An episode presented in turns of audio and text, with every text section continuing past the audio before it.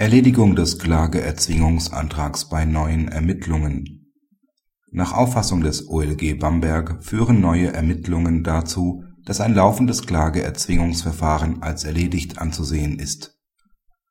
Im Klageerzwingungsverfahren kann gegen einen ablehnenden Bescheid des Generalstaatsanwalts Antrag auf gerichtliche Entscheidung nach § 172 Absatz 2 Satz 1 StPO gestellt werden Nimmt zwischenzeitlich die Staatsanwaltschaft die Ermittlungen wieder auf, so stellt sich die Frage nach dem Schicksal eines solchen Antrags.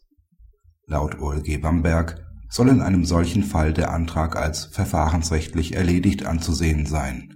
Das Verfahren nach § 172 Absatz 2 Satz 1 StPO diene der Durchsetzung des Legalitätsprinzips, wenn die Staatsanwaltschaft eine Anklageerhebung verweigert von einer solchen Verweigerung könne aber nicht gesprochen werden, wenn die Staatsanwaltschaft die Ermittlungen wieder aufnimmt.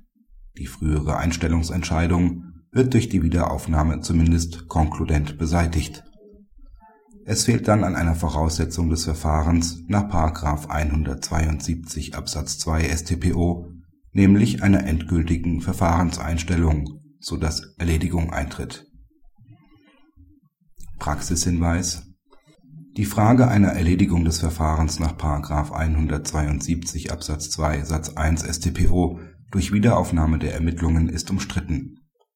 Mit der aktuellen Entscheidung des OLG Bamberg ist aber nunmehr zumindest in der obergerichtlichen Rechtsprechung eine eindeutige Tendenz festzustellen, in derartigen Fällen eine Erledigung zu bejahen